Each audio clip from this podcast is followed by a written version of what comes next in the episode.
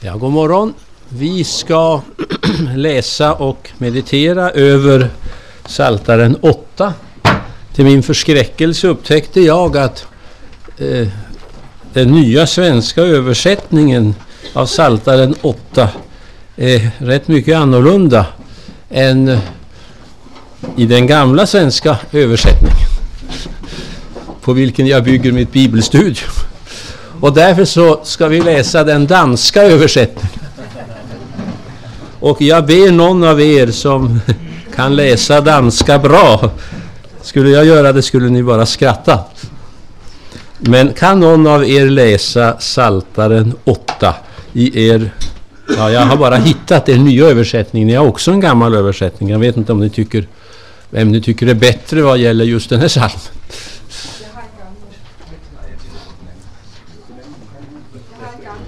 Har du en gammal? Ja, men det är intressant. Läs den gamla danska och så kommer jag följa den nya danska.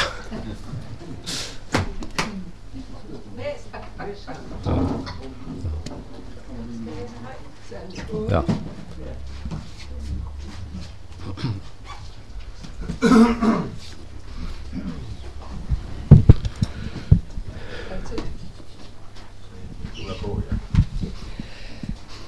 Herre, vor Herre, hvor herligt er dit navn på den hvide jord. Du, som bredte din højhed ud over himlen.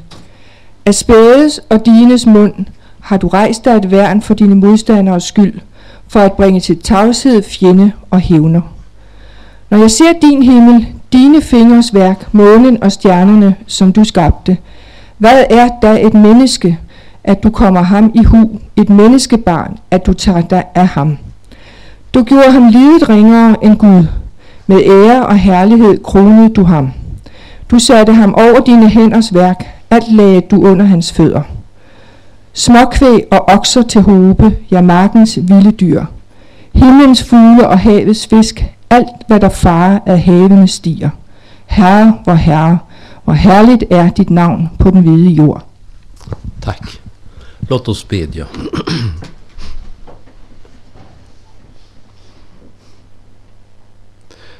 Tack käre himmelske far för denna nya dag. Tack för nattens vila. Tack för kläder och föda och hus och hem. Tack för det mått av hälsa och krafter som du ger oss. Tack för att vi får bo i länder med fred och välstånd. Herre, gör oss till goda förvaltare av detta. Så tackar vi dig från djupet av vårt hjärta för din nåd som är ny varje morgon. För ditt tålamod med oss, för din kärlek och barmhärtighet emot oss. Herre, vi ber att vi denna dag ska få vara dina avbilder som förhärligar dig i allt vi tänker och gör och säger. Låt oss få ära ditt namn idag. Om det ber vi i Jesu namn. Amen. Ja, den gamla och den nya danska översättningen var mycket lika, märker jag. Så det. Däremot den nya och den gamla svenska, de är så oerhört olika på vers 3 och 4 så man... Det går alldeles runt i huvudet när man försöker se hur det kan ha blivit så olika. Vi ska alltså nu vandra igenom denna psalm som ju är en fantastisk lovsalm. Den eh, är en lovsalm till Gud skaparen och Guds härlighet. Och det är en lovsalm över människans höghet också.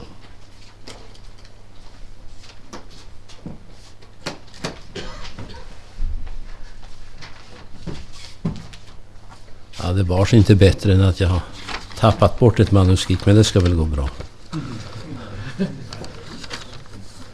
Det blir kortare då i alla fall.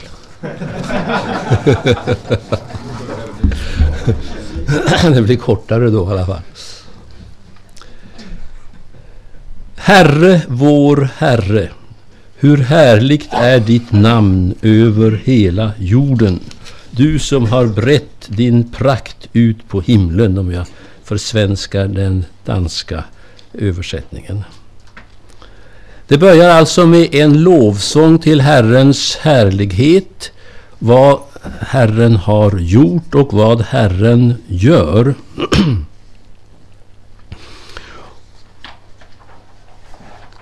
Eftersom vi idag ska arbeta med förhållandet naturvetenskap och kristen tro så kan det ju vara intressant att lyfta fram att i alla tider så har den kristna kyrkan mer eller mindre starkt eh, hävdat att eh, Gud har skrivit två böcker som Francis Bacon en gång uttryckte det på 1600-talet. Nämligen Naturens bok och Bibelns bok. Och eh, i vår dogmatik säger vi att det är den allmänna respektive den speciella uppenbarelsen. Och eh, denna psalm som är en lovsång till Gud som skapare tar fasta på Guds eh, skapelses härlighet, makt och prakt. Och eh, det har ju ofta Eh, man gjort när man har hävdat ett slags naturlig teologi. Ännu tydligare kommer det fram i eh, 19, Saltaren 19 som är en annan skapelsesalm inledningsvis. Himlen fortäller om Guds härlighet, välvingen berättar om hans händers verk. Den salmen eh, talar om skapelsens härlighet på dagen, mitt på dagen så att säga. Under det att Saltaren 8 talar om natthimlens skönhet. Och det är Guds godhet, Guds skönhet, Guds visdom som reflekteras i skapelsen. Vi ska tala betydligt mer om det imorgon. Eh, men detta har varit ett mycket starkt tema rakt igenom både gamla och nya testamentets gudsfolks historia. Och låt mig bara nämna från eh, nyare tid, på 1700-talet, Jonathan Edwards, den store väckelsepredikanten borta i Massachusetts. 1734 till 1740 någonting pågick stora väckelser där. Han är anfader till trestegshopparen Jonathan Edwards som har världsrekordet i tre steg som ni kanske vet. Och eh, för Jonathan Edwards så betydde upplevelsen av Guds helighet och härlighet oerhört mycket i naturen. Han, han utvecklade en hel estetik om Guds Guds skaparhärlighet.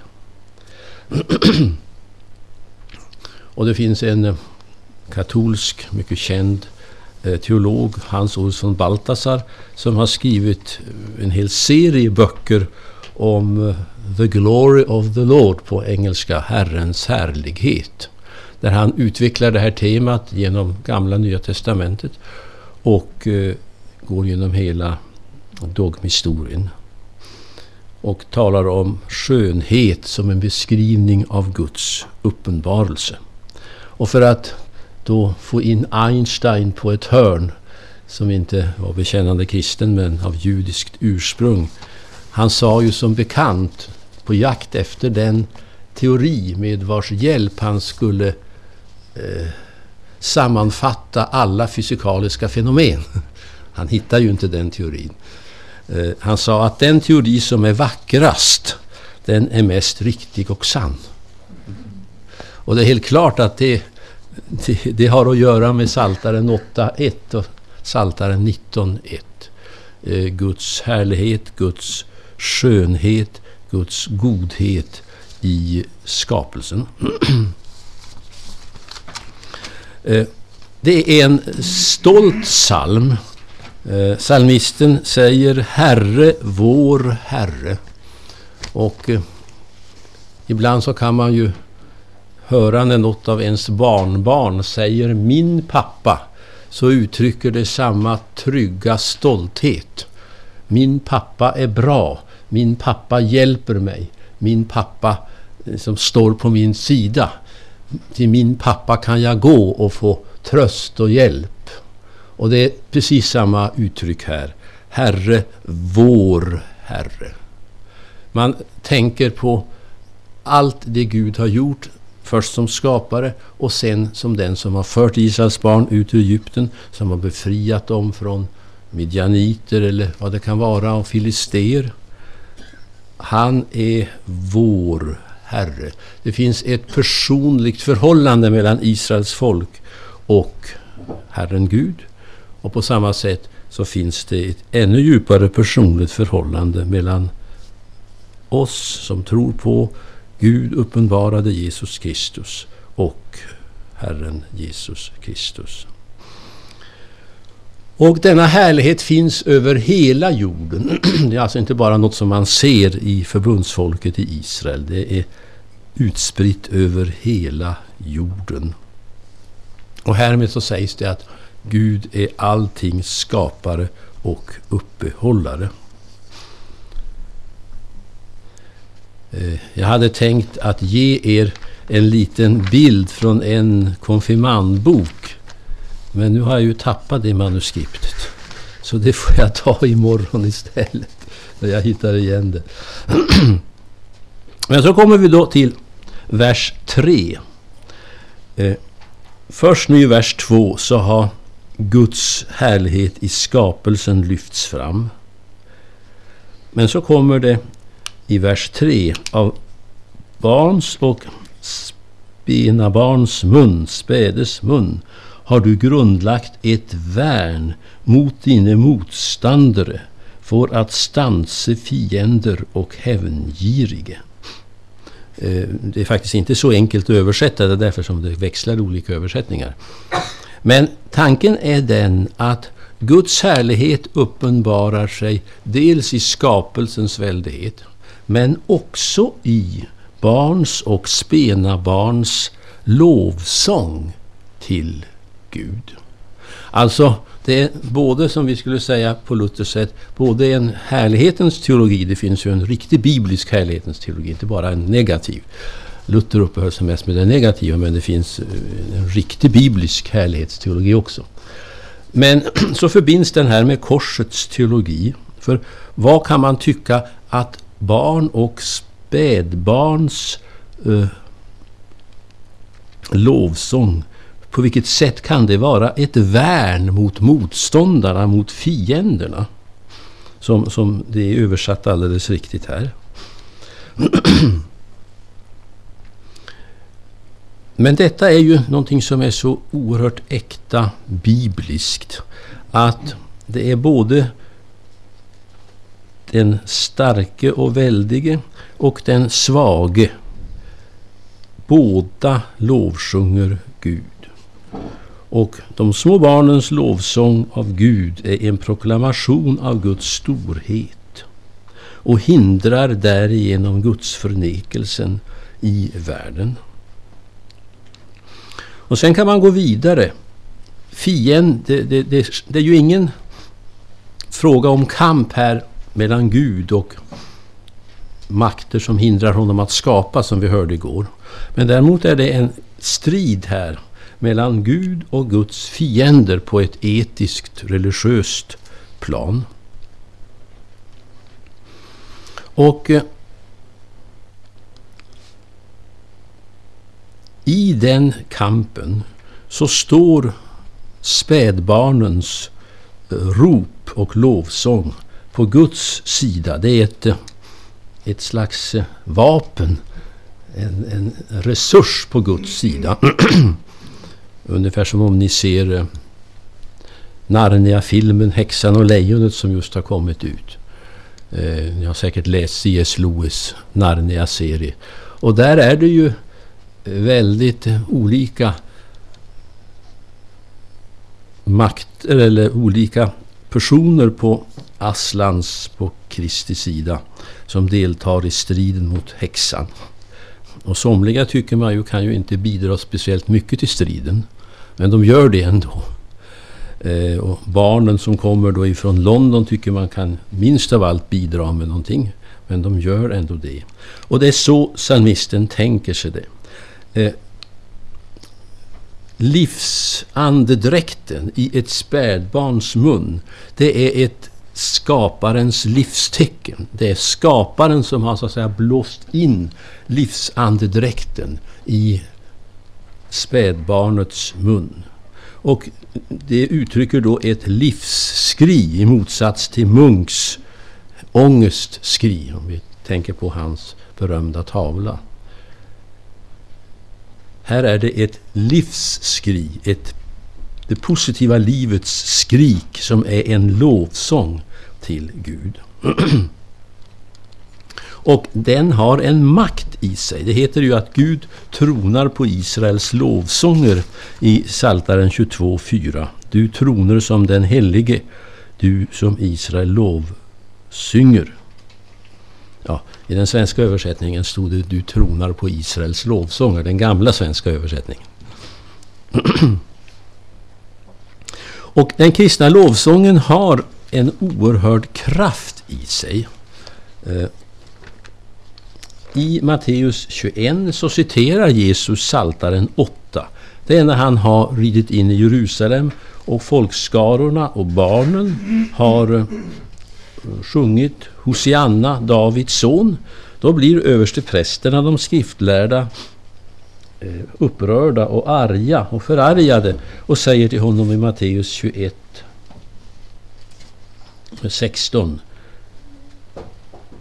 Hör du vad det säger? Jesus svarade. Ja, har ni aldrig läst orden Barns och spädbarns rop har du gjort till en lovsång åt dig. Jesus citerar här Septuagintas översättning av Saltaren 8. Det finns en oerhörd kraft i lovsången till Gud. Det är ju därför som Uppenbarelseboken eh, mest beskriver livet i himlen som en tillvaro med lovsång. Det ska inte predikas i himlen. Det ska lovsjungas i himlen. Ja, Gud kanske tillåter oss som inte kan låta bli att predika, ha ett litet hörn i himlen där vi får predika för varandra. det, det kan jag gott och väl tänka mig. Men lovsången har en oerhörd kraft i sig. Paulus och Sila sitter i fängelse i Apostlagärningarna 16. Och under deras lovsång så gör Gud undret så att eh, de befrias. Eh, biskop Festo Kivenger som var mycket aktiv i Lausanne-rörelsen berättade en gång på ett, ett möte där hur han som biskop i sitt eh, anglikanska stift skulle söka upp en folkgrupp som hade flytt undan Idi Amin och som levde i oerhört armod och eh, han hade då samlat ihop mat och förnödenheter och filtar och allt sånt. Och så efter några dagars letande så hittade de den här folkgruppen. Och han hade suttit och förberett sig vad han skulle säga för uppbyggligt. Och han hade inte kommit på någonting. För deras livssituation var så hyggligt svår. Så allt skulle liksom ramla till marken av fromma ord, tänkte han. Och när man närmade sig folkgruppen så hör han till sin stora förvåning och det löste honom från hans vånda.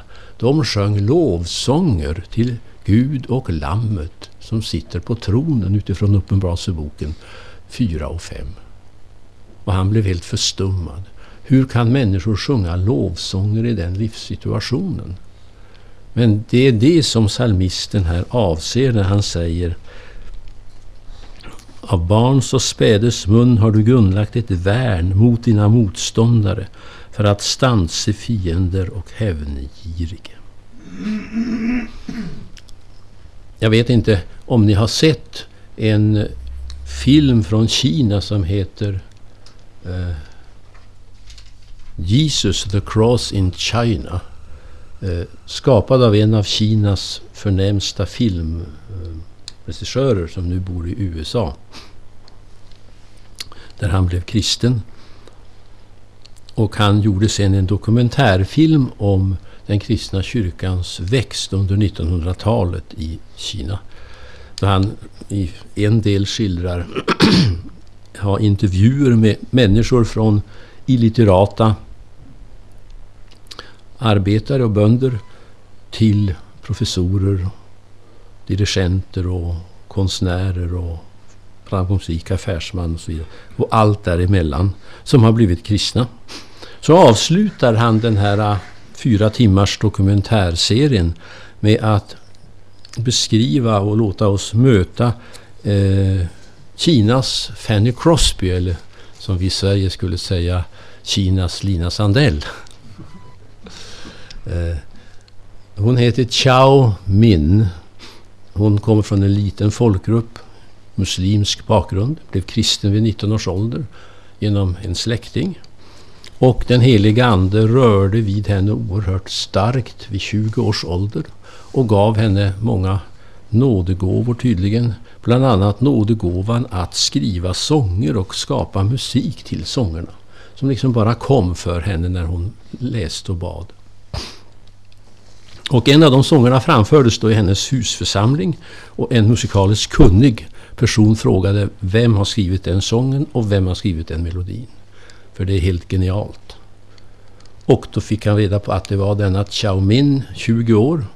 Hon kunde inte noter, hon hade inte gått ut skolan och hon hade slutat i sexan. Men han gav henne en tape recorder och sa alla sånger som du får från den heliga Ande ska du sjunga in på den här. Så ska jag skriva ut dem. Så kan vi sjunga dem i församlingarna sen.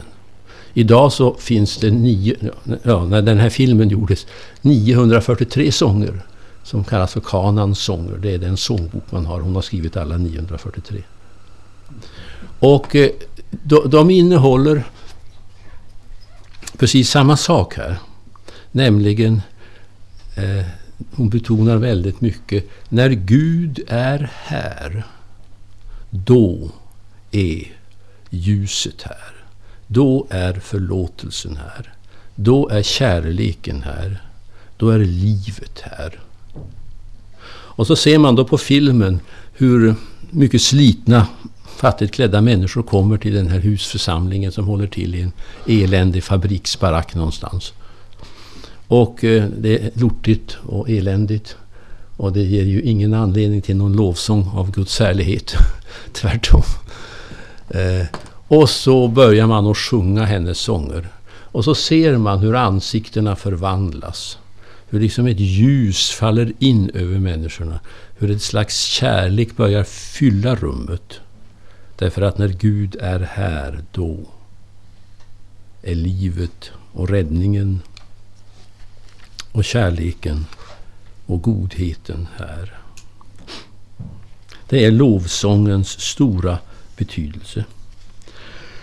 Och vi fortsätter. När jag ser din himmel, dina fingrars verk, månen och stjärnorna som du satte där.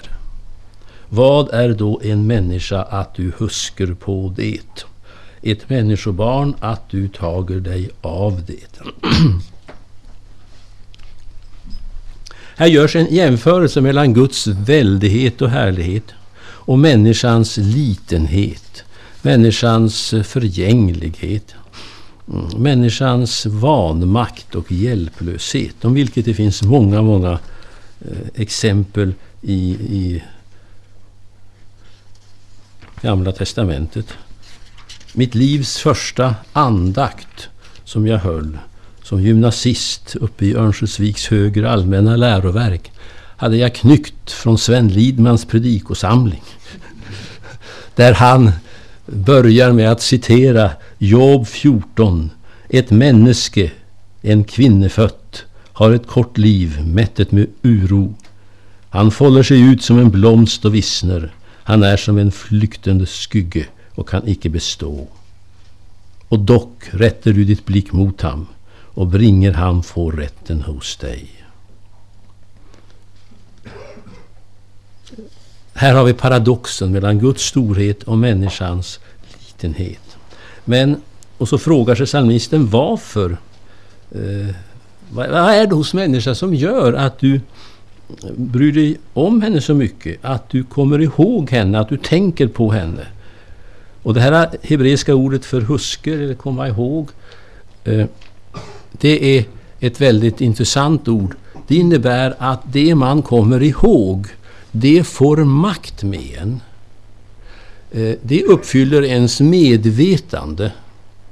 Och det här vet vi ju vikten av att memorera bibelord eller vikten av att sjunga en kristen sång så att liksom dess budskap och värld får makt över mig. Så jag kommer ut ur den, den ogudakt, det, det ogudaktiga sammanhanget som jag kanske har befunnit mig i eller varit präglad av.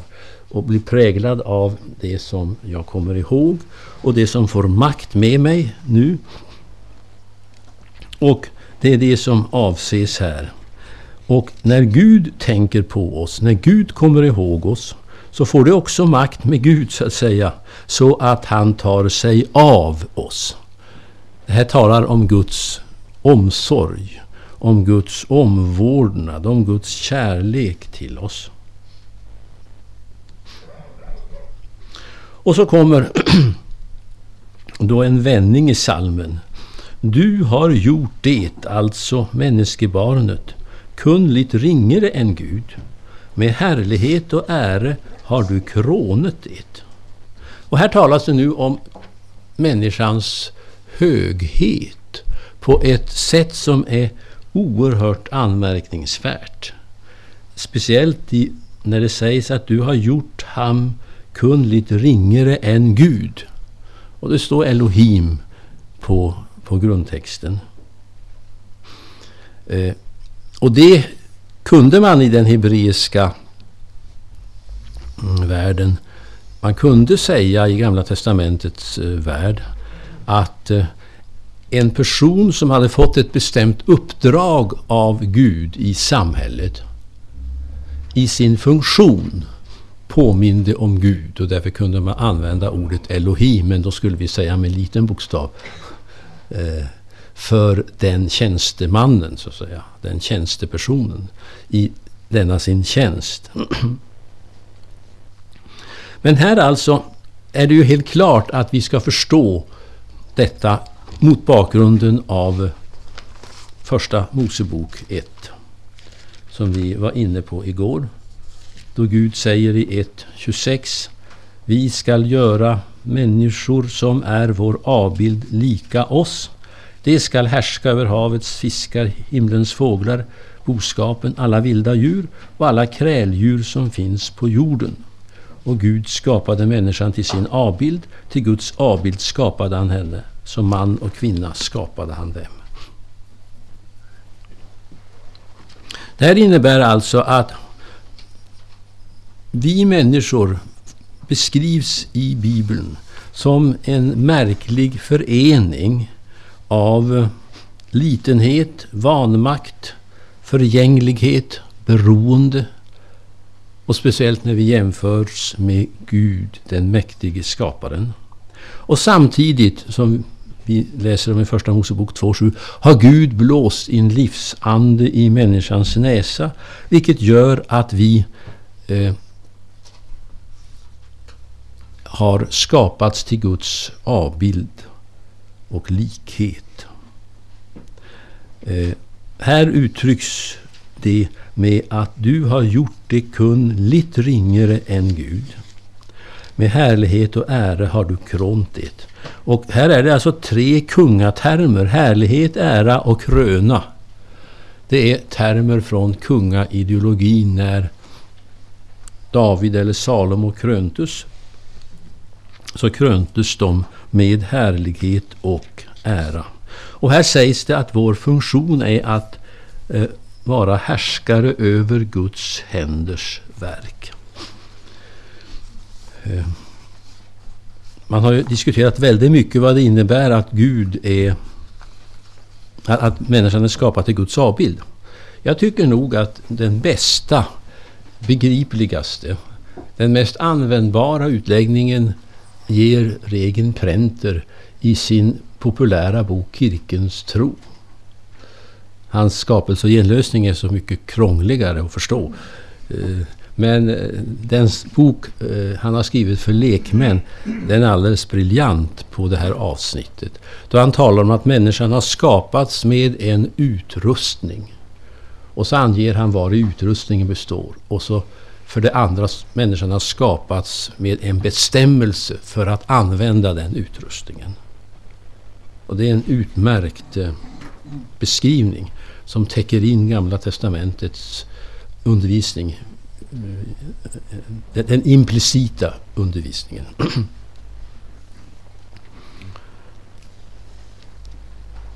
Du har gjort det till härskare över dina händers verk och där ligger vårt förvaltaransvar. Eh, där ligger vår funktion och vårt uppdrag. Och här kan man dra väldigt många slutsatser för bland annat vårt ekologiska uppdrag. Vi var inne på det igår. Eh, Gud, eh, han har omsorg om det han har skapat. Och när vi har satts här som Guds vicekungar, eller vasaller, eller hur vi ska uttrycka det, som Guds avbilder, så ska vi ha samma omsorg om skapelsen, om den ekologiska väven, om människan, som Gud har. Och därmed så omöjliggörs, så omöjliggör gammaltestamentlig uppenbarelse tanken att människan ska exploatera naturen. Det gör hon som fallen syndig människa. Eh, men som människa som eh, har upprättats av Gud så kallas hon att vara en härskare med samma kärleksfulla, omsorgsfulla inriktning som Gud själv har. Det är ju rätt intressant här att eh, det är ju relativt eh, lite som människan har att härska över här. Det är får och oxar i mängd. Eh, vilda djur, himlens fåglar och havets fisk. Man börjar med det som är närmast och som det är lättast att sköta om och som vi har lyckats hyfsat med. Och sen så blir det svårare och svårare uppgifter. Det är ju helt klart att skulle den här salmen ha skrivits idag så skulle vårt härskaruppdrag se väldigt olika ut. Och eh, man kan idag nästan tycka att det knäcker oss. Tänk på alla de etiska eh, avgörelserna i samband med teknik, genteknik, medicinsk tek, eh, teknik och, och, och så. Eh, ska vi satsa på rymdfärder eller ska vi satsa på att utrota sjukdomar och fattigdom på jorden och så vidare. Alltså det, eh, människans härskaruppdrag idag som vi sköter utomordentligt dåligt eh, hotar att knäcka oss. Och här behövs sannerligen en djupgående omvändelse i alla avseenden. Och så slutar det med Herre vår Herre, hur härligt är ditt namn över hela jorden. Återigen är det den här glada, frimodiga, stolta lovsången till Herren Gud som kommer fram.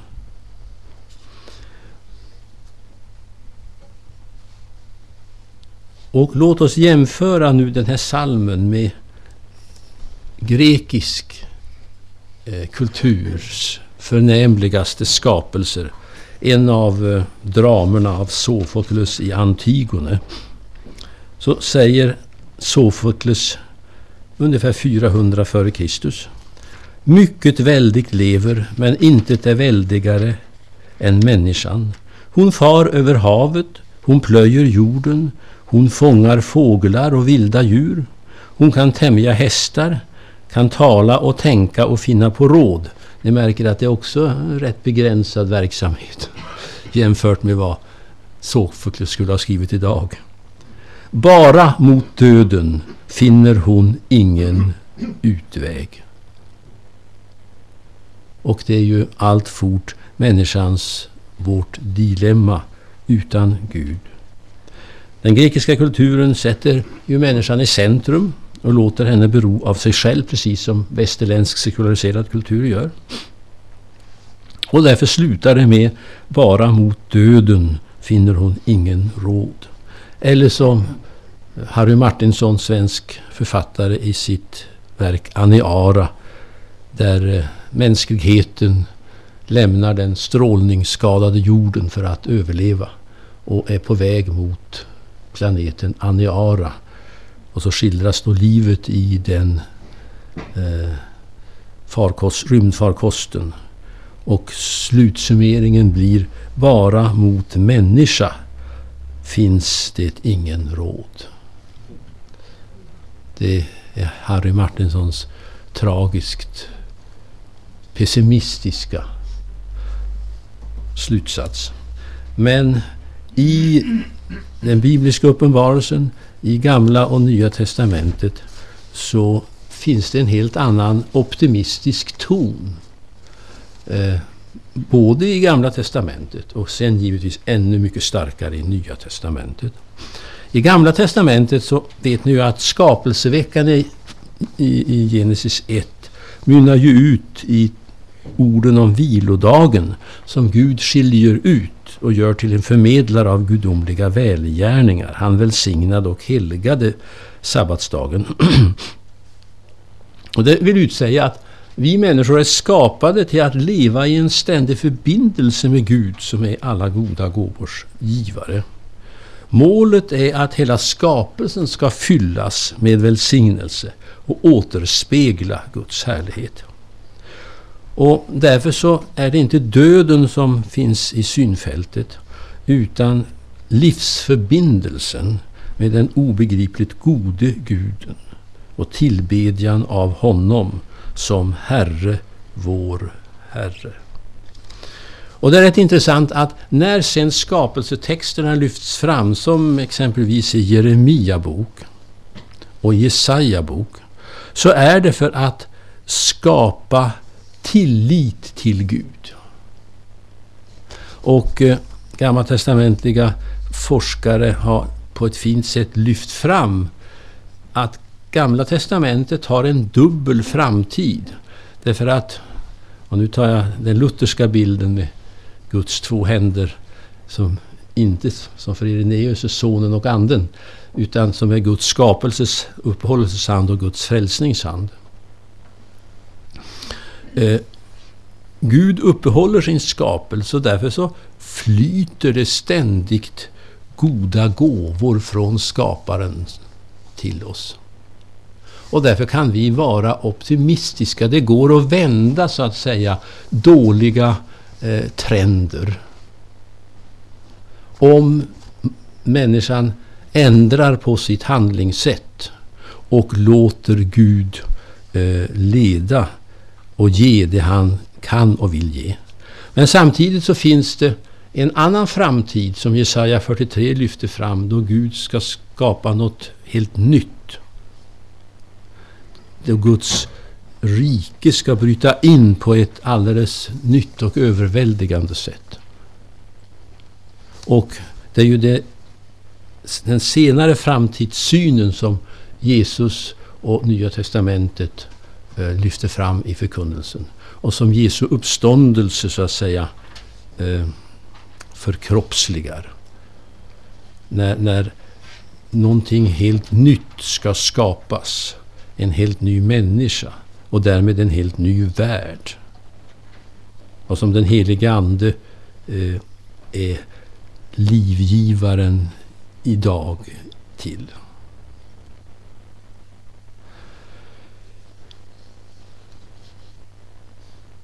Herre, vår Herre, hur härligt är ditt namn över hela jorden. Låt oss be. Tack käre himmelske Far för din omsorg om oss. Tack för att du vill eh, hjälpa oss att minnas och komma ihåg det du har gjort. Och präglas av det, formas av det, drivas av det.